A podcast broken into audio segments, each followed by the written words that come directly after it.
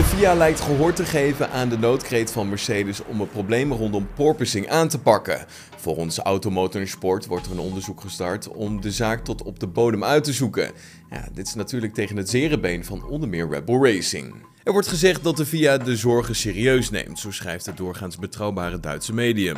De Autosportbond wil een onderzoek starten om de zaak tot op de bodem uit te zoeken. Maar goed, de FIA stuit hierin op weerstand van andere teams en coureurs, want na verluidt is er maar weinig steun voor een regelwijziging om porpoising aan te pakken, omdat ja, niemand vrijwillig een stapje terug wil doen. De FIA wil naar eigen zeggen een allesomvattend beeld krijgen, medische specialisten raadplegen en data verzamelen van andere raceseries, zoals bijvoorbeeld de rallysport, waar de coureurs niet op vlakke banen rijden, maar waar de snelheden lager liggen. Ja, zo vervolgt Automotor Sport haar verhaal. Nou, deze plannen lijken echter geen steun te krijgen van de meeste andere teams. Met name Red Bull Racing, dat porpoising wel onder controle heeft, is fel tegen.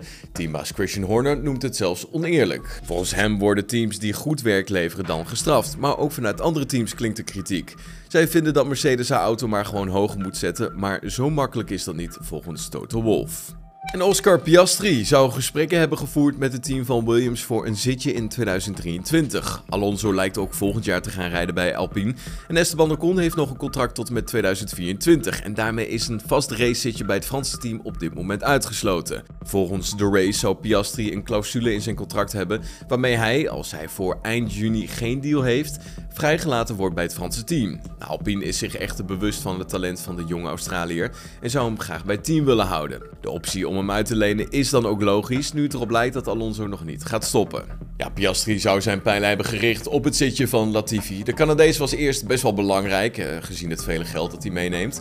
Maar in augustus 2020 stapte een Amerikaanse geldschieter in en dus zijn de centen uit Canada iets minder belangrijk geworden. Latifi kan daarnaast ook niet mee met zijn teamgenoot Alexander Albon en wacht nog steeds altijd op zijn eerste punten van het seizoen.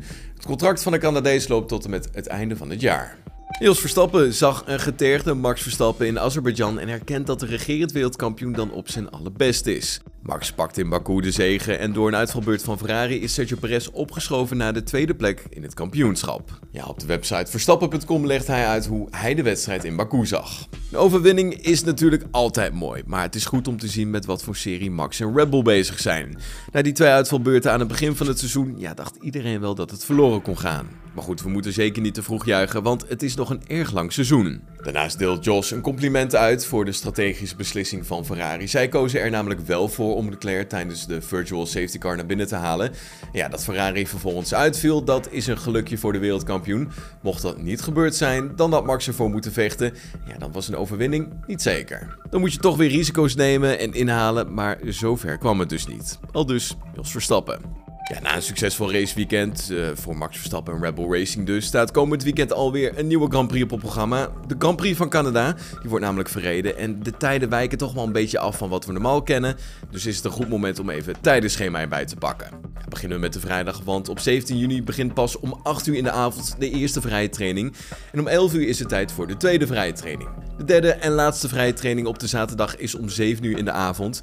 De kwalificatie begint dan om 10 uur. En dan de race. De Grand Prix van Canada begint zondag 19 juni om 8 uur in de avond. Dat was hem dan het nieuws van vandaag. Heb je genoten van deze aflevering? Laat van je horen op onze Apple Podcast pagina of volg ons op Spotify.